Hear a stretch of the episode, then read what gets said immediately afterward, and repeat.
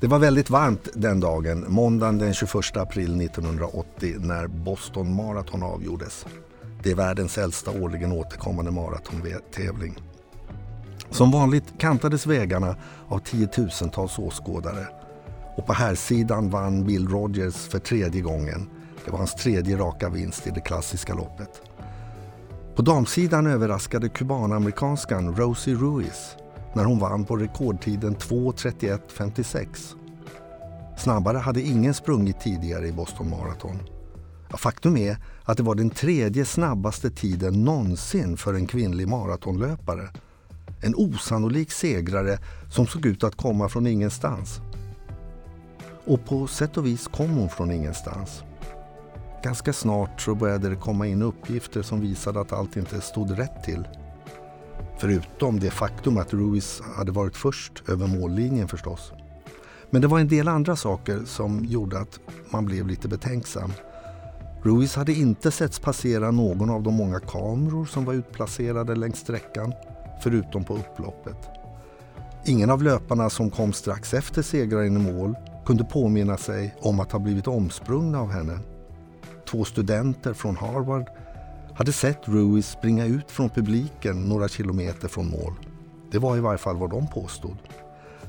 Det mesta pekade på att Ruiz hade fuskat. Det fanns alldeles för, mycket, för många bevis eh, och för många vittnen som pekade på det. Och Ruiz diskvalificerades några dagar efter loppet. Hon erkände dock aldrig någonsin att hon hade fuskat.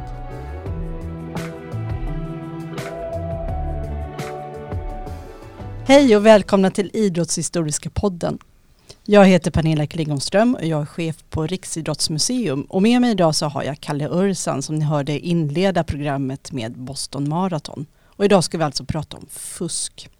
Och hur definieras då fusk inom idrotten? Det är ju det som är frågan. Och jag kollade upp vad som står i Svenska Akademins ordbok om just idrott och fusk. Då, då står det att det är utnyttjandet av otillåtna metoder eller hjälpmedel i syfte att vinna fördel vid prov, tävling eller dylikt. Men Kalle, du som är idrottshistoriker, hur skulle du förklara för oss vad fusk inom idrotten är för något och hur det börjar? Mm.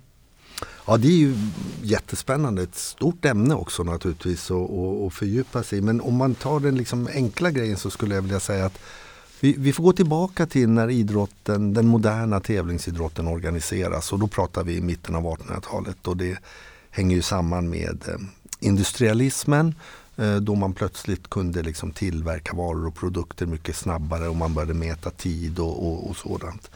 Och det här innebar ju också att det var lättare att förflytta sig mellan olika landsändar och snart nog också mellan länder. Och då gällde det ju för de som höll på med idrott att om man då skulle spela fotboll mot ett lag från en annan stad så måste man ju ha gemensamma regler. Annars går det ju inte. Eh, och det här kallar vi idrottshistoriker för sportifiering. Eh, lite enkelt uttryckt så innebär det helt enkelt att man, att man börjar skapa regelverk för hur idrotten ska utövas. Och det är där någonstans vi har början på det här. För att den som bryter mot det här regelverket som idrotten har lyft upp, den är ju per definition en fuskare. Så att här någonstans så börjar det här. Men det är klart att det är inte så enkelt alla gånger att, att avgöra när, liksom, vad är vad innebär det att bryta mot en regel och inte och så vidare. Man kan säga så här till exempel att en löpare får inte själv bestämma när han eller hon vill starta ett lopp eller var de vill starta det här loppet. Men de får ta precis hur många steg de vill under det här loppet. Så det är väldigt viktigt att man, att man har det här klart för sig. Men som sagt, all, alla former av fusk innebär ju ett slags hot mot idrottens trovärdighet. Och jag skulle vilja tillägga där också att, att det, det, finns ju massa olika former av fusk. Va? Det är ju till exempel att, det, att inte göra sitt bästa. Det är också en form av fusk.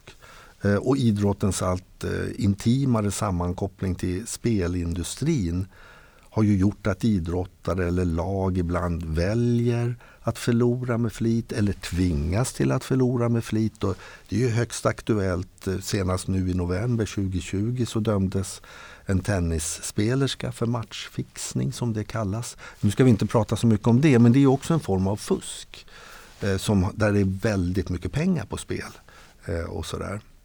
Men sen kan man ju fuska genom att man låtsas att man är skadad eller så för att få en motståndare utvisad till exempel. Ja, är det något särskilt du tänker på där Kalle? Ja, jag tänker på, eh, där finns det naturligtvis hur många exempel som helst. Det finns ju listor på nätet där man kan gå in och se det här. Men, men jag, jag har två exempel som jag, jag, tycker är lite spännande. Och det ena är VM-kvalet i, i fotboll inför eh, Mexiko 1986 då Sverige möter Tjeckoslovakien i, fotboll. Och eh, Glenn Strömberg, han som nu är en sån fantastisk eh, sportkommentator och bisittare på så många viktiga internationella matcher. Han i varje fall eh, spelade i svenska landslaget och han trillade, som han säger själv, lätt i straffområdet. Och på tv-bilderna så syns det tydligt att motståndaren inte ens var i närheten av att röra honom. Men det blev straff och Sverige vann till slut. Med fusk faktiskt, kan man ju faktiskt tillägga. Och det har också Strömberg själv medgett. Men det finns också en sak som eh, man kanske kan ta upp i det här. Och den är kanske lite hård och dum att säga. Men, och det har inte med den här straffen att göra. Men i Europa så måste du på något vis ändå spela i samma villkor. Va? Det är det i vilken bransch som helst du håller på att arbeta med. I vilken affärsrörelse du än har.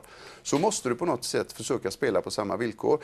Eh, jag tror att hela Sverige Eh, folket, eh, ekonomin när det gäller förbundet, allting som rör den stora fotbollen måste spela på samma nivå som andra länder gör. Va?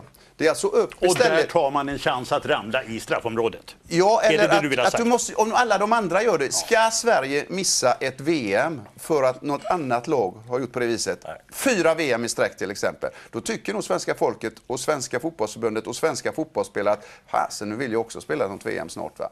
Och... Och det är naturligtvis lite genant att behöva göra det. Men jag tror att det där är liksom stundens invigelse. Att man liksom plötsligt bara ser en chans. Va? Det finns ett annat sånt här exempel och det var, det var i, i också en fotbollsmatch och nu var det i VM i Sydkorea 2002 som Brasiliens storstjärna Rivaldo står och väntar på bollen vid hörnflaggan.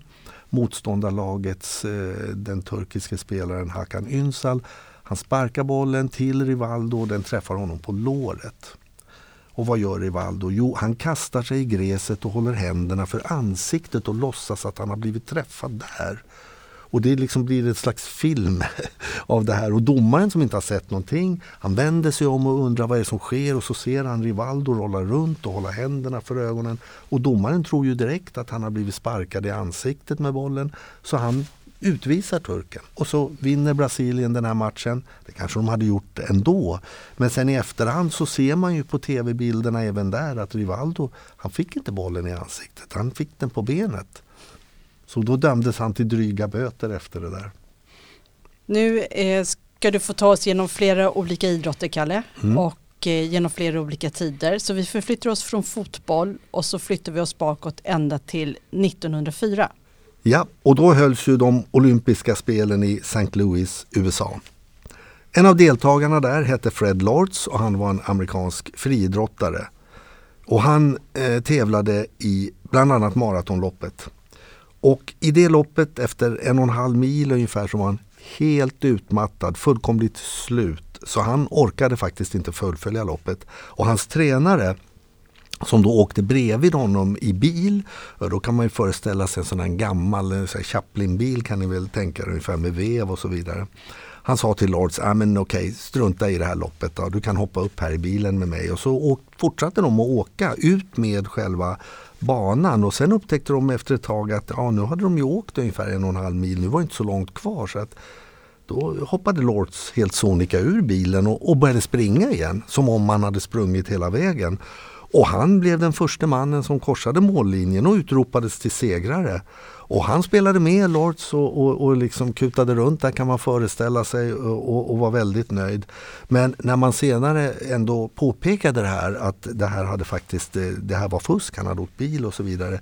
då, då säger Lords att ja, men det här var ju liksom, jag ville bara skoja lite grann. Men han diskades naturligtvis efter det där efter den där eh, fadäsen fusket. Men då gick ju segern till en annan amerikan, eller hur? Jajamän. Han hette Thomas Hicks och han hade intagit något som heter stryknin som idag, det är en slags stimulantia. Och idag så är det, klassas det som dopingpreparat av WADA. Så nu ska vi ju inte tala om, om dopning här i och för sig men han hade ju definitivt blivit diskad idag, eh, även Thomas Hicks. Precis, men eh, vi svenskar står inte utan skuld. Vi har ju också fuskat inom idrott. Du var inne på Glenn Strömberg förut, men mm. nu tänker jag på Erik Umedalen. Mm.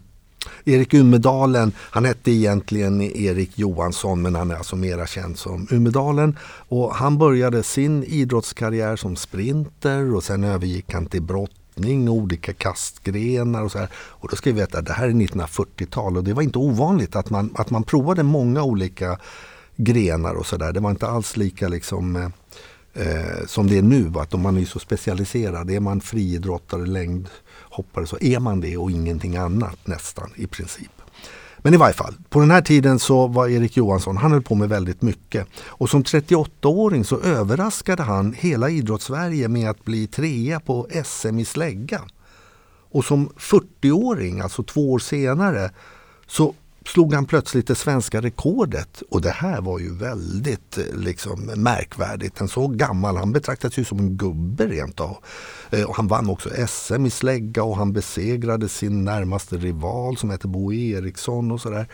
Men nu var det så här att efter ett tag så började framförallt medtävlare och kanske en och annan i publiken också tycka att det här var ju väldigt konstigt. Och de tyckte att ibland så uppträdde Umedalen ganska mystiskt när han höll på där med, med, med släggan och så vidare. Så vid en tävling i Göteborg så var det kontrollanter som bad att få titta på hans slägga och då märkte de att han laborerade med två olika släggor. En som han alltid lämnade in för kontrollvägning och den vägde precis så mycket som en slägga ska väga. Men en annan som han kastade med som var ett halvt kilo lättare. Och plötsligt hade man ju förklaringen till det här. Så Umedalen han diskvalificerades för, för alltid efter, efter det där fusket. Och det står till exempel om honom i, i Nordisk familjeboks sportlexikon att, att han hade liksom dålig karaktär och det var den som kom honom att bryta mot idrottens omutliga krav på ärlighet. Men historien med, med liksom fuskaren Umedalen är ju inte över där utan han kan faktiskt kopplas samman med Per-Olof Enquists roman Sekonden från 1971 som egentligen handlar om liksom idrott och politik och Östtyskland och så vidare. Men, men själva ramhandlingen är om en son vars far fuskat i släggkastning och den delen baseras på Erik Umedalens liv. Och P. Enquist själv träffade ju Umedalen några år innan, innan han gick bort och intervjuade honom lite grann inför den här boken.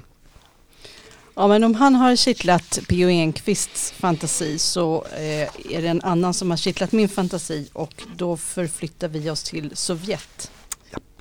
Vi förflyttar oss till Sovjetunionen och Boris Onitjenko och vi flyttar, förflyttar oss till de olympiska spelen i Montreal i Kanada 1976.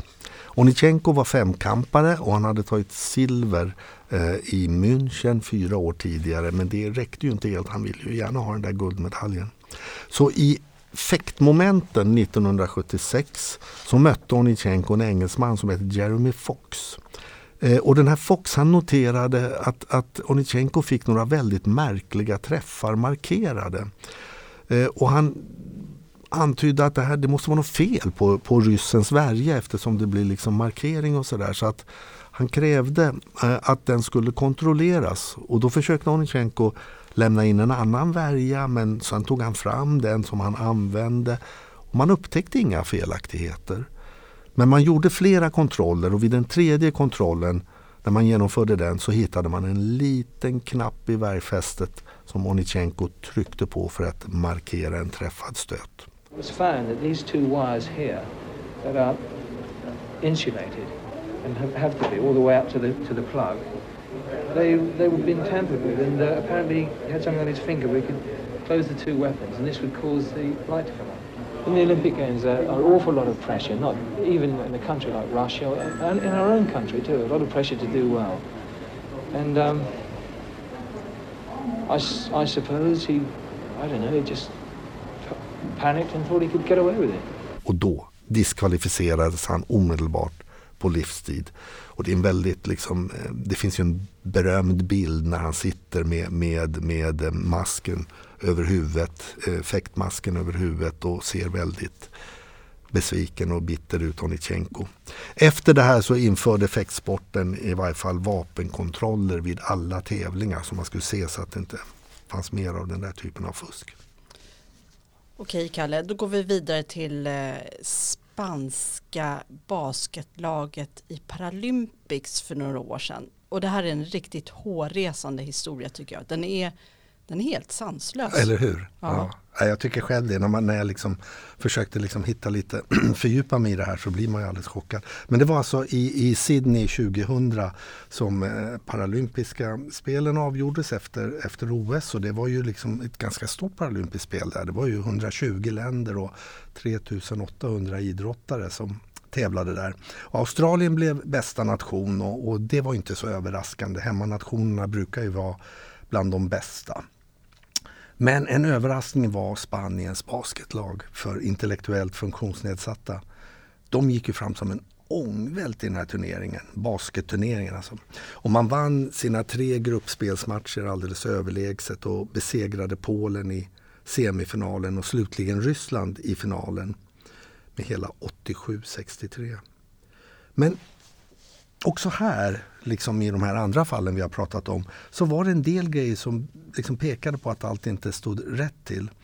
Efter finalbilden till exempel så publicerades en bild av det här laget i en Madrid-tidning där en av spelarna blev igenkänd som en baskettränare för ett amatörlag i någon förort till Madrid. Men det var väl inget fel på hans intellekt, eller? Ja, vi återkommer till det där men det liksom skapade lite sådär funderingar kan man säga. Men det var några veckor efter spelen som det spanska magasinet Capital påstod att 10 av de 12 spanska spelarna inte hade någon intellektuell funktionsnedsättning överhuvudtaget. Feddi, som det spanska paralympiska förbundet heter, de slog ifrån sig med eftertryck och påstod att anklagelsen var löjlig och förödmjukade de här spelarna som vunnit basketturneringen. Men så visade det sig att den som hade skrivit den här artikeln, det var en journalist som hette Carlos Ribagorda. Men han var inte bara journalist, utan han var också en av spelarna i det här guldlaget. Och då berättade han att han hade blivit erbjuden att träna med laget något år före spelen eller så. Och då såg han möjligheten till att göra ett journalistiskt skop. Han wallraffade helt enkelt? Absolut, ja det var faktiskt, det var precis, han berättade själv, alltså att när han såg den här möjligheten att få spela, jag, jag har inte riktigt fått klart för mig hur det kommer sig att han, att han började spela med dem. Men då, då tränade han i varje fall med laget och sen så frågade ledarna honom om han hade någon sån här intellektuell funktionsnedsättning och då sa han att han hade det. Och, och, så räckte det. Och, och, han berättar att liksom innan de här spelen så gjordes inga tester, inga, inga kognitiva tester eller man begärde inte att få något läkarutlåtande eller så.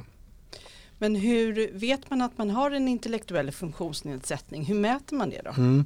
Jo, men det, alltså det, det, det jag har förstått är framförallt att man, man tittar på IQ. Och då får man inte ha eh, mellan 70 och 75 i IQ för att räknas som, som att ha en intellektuell funktionsnedsättning. Så det är det vanliga inför alla de här stora spelen och så. Men här gjorde man alltså inte det. Så Ribagorda han säger då att hans wallrafferi var för att han ville avslöja hur pengar och ärgirighet får människor att agera så här omdömeslöst. Alltså att fuska helt enkelt. Och förbundet Feddi gjorde det, alltså det här paralympiska förbundet, gjorde det enligt honom för att få fler medaljer och på så sätt få ännu större sponsorintäkter. Mera kapital helt enkelt till paralympiska idrotter.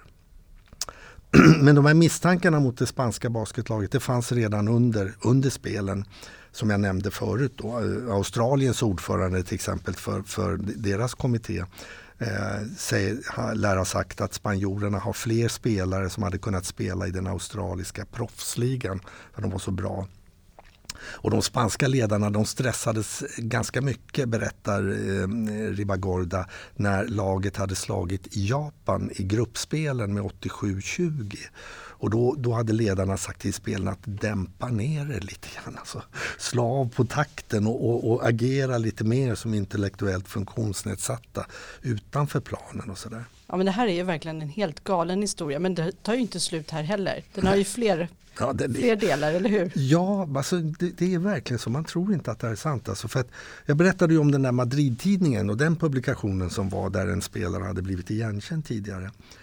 Och då, då hade ledarna återigen, det här är ju enligt eh, Ribagorda, men då hade ledarna sagt till laget att när de kommer tillbaka till Spanien, till Madrid och skulle landa där, då skulle de bära lösskägg och hatt för att inte bli igenkända och alltså liksom uppmärksammade att någon skulle få frågor antagligen och sådär.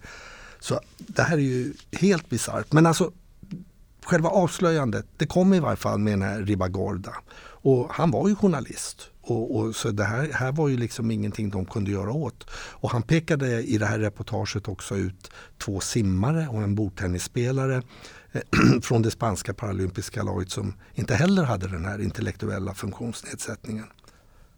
Men eh, det var i varje fall så att ordföranden för den spanska paralympiska kommittén, Fernando Martin Vicente, han tog på sig det här fulla ansvaret och avgick direkt. Men det här blev ett domstolsärende för det här var ju faktiskt, eh, liksom, man hade ju lurats för att få mera pengar. Och, och, han dömdes för bedrägeri. Det var ytterligare 18 personer av den paralympiska eh, eh, organisationen, den spanska, som var uppe i rätten. Men alla de friades. Men Vicente dömdes i varje fall för bedrägeri. Och eftermälet blev att tävlingar för intellektuellt funktionsnedsatta togs bort från paralympiska spelen helt och hållet. Det var först till OS i London 2012 som de kom tillbaka. Mm. Mustig historia som sagt och nu ska vi gå till en annan mustig historia men som utspelar sig på skridskoisen. Jajamensan. Och den här har blivit spelfilm och eh, den har också blivit Oscars-nominerad. Mm. Ja. Det har den faktiskt blivit. Eh, det var så här, det, det handlar om konståkning, det handlar om USA och eh, i de amerikanska mästerskapen 1994, de genomfördes i januari, då kommer 25-åriga Nancy Kerrigan som var regerande mästare. När hon ska in för att delta i, på en träning inför de här amerikanska mästerskapen. När hon är på väg in i ishallen så dyker det plötsligt upp en man med ett järnrör som är 50 cm långt eller något sånt och riktar ett våldsamt slag mot hennes knä och hon faller ihop och kunde naturligtvis inte delta i tävlingen som hon alltså då hade vunnit året innan. Och då var det så här att istället så var det hennes konkurrent Tonya Harding som vann. Och just detta år, 94, så var vinsten oerhört viktig eftersom den skulle ge en direktplats till olympiska spelen i Lillehammer som skulle hållas i Norge månaden efter. Snart visade det sig att mannen med järnröret han hade hyrts in av Tonya Hardings ex-make. Och nu började man liksom tänka, hur är, ja, nu, nu, polisen antar jag, för man gjorde ju en utredning här. Det här var ju liksom ett överfall och, och så vidare. Och man hade gripit förövaren och så vidare. Eh, och Tonya Harding hon drogs allt mer in i hela den här händelsen men hon nekade hela tiden till att hon kände till någonting om attacken. Eh, Kommittén, då, den amerikanska, de bestämde sig för att inte ta ut Harding till OS. Men då sa hon, jag har vunnit mästerskapen, jag har rätt att åka till OS och det pågår en polisutredning men jag är inte dömd. Och om ni, om ni inte tar ut mig så kommer jag att stämma er på 25 miljoner dollar. Ja, då fick de ju krypa till korset naturligtvis och så togs hon ut tillsammans med Nancy Kerrigan som hade återhämtat sig förvånansvärt fort efter det där slaget. Ja, då menar jag inte att jag insinuerar ingenting men alltså hon hade återhämtat sig så att hon kunde eh, delta i, i tävlingen i Lillehammer. Och nu kan du tänka dig va, 94 lilla Lillehammer ska ha olympiska spel och nästan all media riktade ju uppmärksamhet på konståkningstävlingen men kanske inte själva tävlingen utan mera dokusåpan kring de här två. Eh, liksom skönheten och odjuret i amerikansk konståkning skulle man kunna säga. Och tävlingen blev också ganska bisarr, farsartad, patetisk, tragikomisk eller vad man nu ska använda för uttryck här. Som media hade hoppats på. Nancy Kerrigan hon gjorde ett bra åk och tog silver. Men när Hardy skulle åka så kom hon inte i tid först.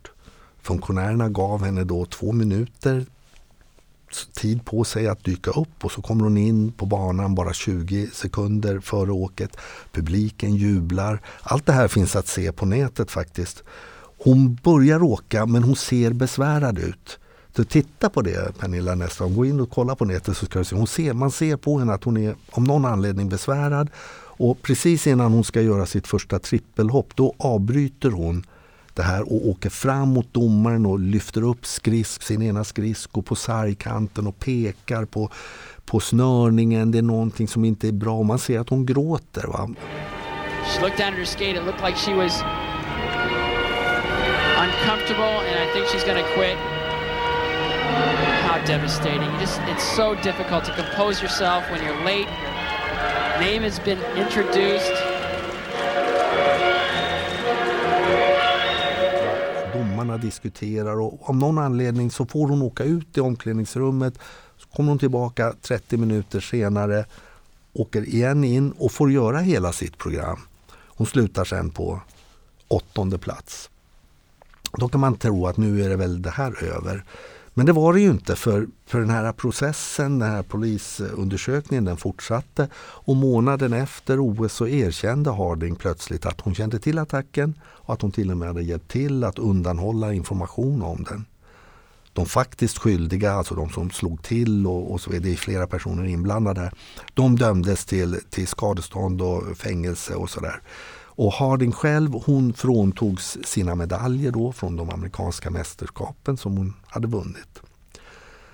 Men det är också så här ibland att när, man, när sådana här händelser utspelar sig så, så, så kan väl ibland liksom skurkarna på något sätt bli de som lyfts upp mer än, än de andra oskyldiga. Och så var det i det här fallet. Och hösten 94, alltså ett halvår efter de här dramatiska händelserna, så utsågs Tonya Harding av People Magazine till årets mest fängslande personlighet. Och nu spelar det ju ingen roll om de menar negativt eller positivt. Det är hon som på något sätt lyfts upp här. Ett annat magasin, Esquire, hävdade att Harding var en person som amerikanarna älskade. Eh, det kan man ju också undra lite grann över men det är återigen hon som lyfts fram. Och till julen så var hon med i en tv-show där hon åkte skridskor med jultomten och sådär. Så att man kan ju förmoda att hon tjänade en del reklampengar och annat sånt också. Efter det här så har Harding prövat på en, en boxningskarriär och en massa andra olika jobb. Jag tror hon bodde ganska länge i Vancouver i Kanada om jag inte minns fel faktiskt. Någonting sånt är det. Men sen då för ett par år sedan, eh, 2017, så kom alltså den här filmen som du nämnde eh, som heter I, Tonya med eh, Margot Robbie spelar huvudrollen och som Tonya Harding och hon nominerades till en Oscar för, för den här rollen. Och Det är en slags svart komedi. Jag har tyvärr inte sett den. Har du sett den förresten? Jag har inte det. Nej, Nej jag har inte heller sett den men det, det borde vi göra kanske eh, någon gång. Men, men i varje fall så, så eh, den, den handlar om Tonya Harding mer än Nancy Kerrigan. Och vad som är intressant är att inför filmen och kanske efter med så togs det massor med bilder på huvudrollsskådespelerskan tillsammans med Tonya Harding som ler där och, och de står bredvid varandra och så vidare. hon blir liksom på något vis legitimiserad att, liksom, att man gör en film om henne trots den här tragiska, eller ja, ganska läskiga händelsen måste man ju säga, så som den började. Mm. Mm. Vi lämnar skridskoisen och så ska vi prata om någonting som eh, har dykt upp de senaste åren som kallas för mekanisk doping. Alltså inte doping med, med, med mediciner och kemikalier så utan mm. med eh, något annat, något mekaniskt mm. så verkligen. Mm. Eh, och jag tänker på den här eh, cykeln cykelhistorien. Ja precis. Ja, det här är ju ett, ett ganska nytt otyg sådär, i varje fall vad jag vet. Alltså vad som nu är mekanisk doping. Men jag kan tänka mig att motorsporten på olika sätt genom tiderna, man, det går säkert att hitta exempel längre tillbaka också. Men strunt i det. I det här fallet, det vi ska prata om nu det är belgiskan Femke van der Dreiche. Uttalar man det så? Tror du det Pernilla? Jag vet inte riktigt. Dreiche ja jag vet inte, Dreiche säger vi i varje fall. Femke van der Dreiche. Hon var en framgångsrik cross och mountainbike-cyklist. Eh, och som nybliven belgisk och europeisk mästare så startade hon eh, som en av favoriterna i VM i U23 cykelcross för några år sedan, 2016. Van der Dreiche bröt tävlingen då hon hade mekaniska problem. Och då var det någon som uppmärksammade att det liksom hängde ut en liten kabel någonstans på hennes cykel. Och när sedan eh, UCI, som är den organisationen som ansvarar prof för professionella cykeltävlingar, undersökte cykeln så hittade man en liten motor som alltså var gömd, dold någonstans i ramen på cykeln kan man väl tänka sig. Eh, och hon, van der Dreiche, hävdade sig helt ovetande och sa att den där, det är inte ens min cykel, det är en kompis till mig som äger den. Men enligt regelverken är det cyklisten som är ansvarig för den cykel man använder. Så där kunde hon liksom inte komma undan menade man. Och det här var ju en chock som drabbade cykelsporten som ju annars haft så otroligt mycket dopingproblematik i bagaget, alltså den övriga dopingen som vi mer känner. Men nu hade man alltså plötsligt drabbats av någon form av mekanisk doping. Och van der Dreiche stängdes av på sex år och fråntogs alla sina titlar och sådär. Men hon drog sig helt tillbaka från cykelsporten efter det här. Och jag vet ju ingenting om hennes skuld eller, eller så men uppenbarligen har hon ju fuskat här men det är ju också tragiskt. Hon var ju inte ens 20 år fyllda eh, och har dragits in i allt det här. Men året efter så hände det igen och då var det en 43-årig eh, man den här gången som var i en amatörtävling. Han var så otroligt eh, stark i uppförsbackarna i ett lopp att, att man vände, det blev liksom vissa misstankar här. Hur, hur kan han vara så himla duktig upp för backarna här när vi andra inte orkar lika mycket. Så man tillkallade kontrollanter som undersökte hans cykel och så hittade de en motor i vattenflaskan. Till skillnad från den här unga belgiskan så erkände han direkt. Och hans motivering var att ja, jag vill bara kolla hur mycket man kan liksom vinna med den här typen av fusk. Eh, han lär ha lämnats över till den franska polisen efter den här skandalen och vad som hände sen vet jag faktiskt inte. Men eh, ja, det här är ett ny, nytt typ av fusk. Mm. Men eh, jag tror att vi ska avrunda den här exposén, denna Hall of Shame, med en kickspark. Ja, Hall of Shame, det är ganska bra förresten. Vi borde göra en utställning om Hall of Shame. Det vore, rätt, det vore rätt spännande. Ja, det där med kickspark tycker jag själv är intressant nu när vi pratar om fusk. Och vi har ju berört olika former att fuska på. Det finns ju massor med sätt naturligtvis. Eh, men det jag tycker är spännande här, det är historien går ut på att det var en sydafrikan som hette Cameron van der Burg som segrade på 100 meter bröstsim i London 2012, olympiska spelen. Och han erkände senare att han hade använt sig av otillåtna kickar under vattnet. Man får liksom bara göra en kick och han hade gjort tre eller om det var fyra, det vet inte jag exakt. Men han erkände i varje fall att ja, jag har använt mig av otillåtna kickar. Ja, då är det fusk. Hur ska du försvara dig med det då? Så då förklarade han att ja, men nästan alla simmare i världseliten fuskar i så fall. På samma sätt. Problemet är ju att det är så svårt att upptäcka de här otillåtna sparkarna. Ni kan föreställa er när de hoppar ner i vattnet och så ska man se det där. Så nu ska man, funderar man på att ha undervattenskameror om man inte redan har infört det kanske. Eh, för att liksom se eh, hur det där går till.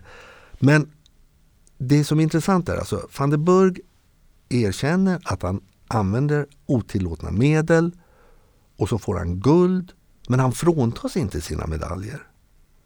Och det tycker jag är väldigt fascinerande för han säger ju att det, andra, alla andra gör det.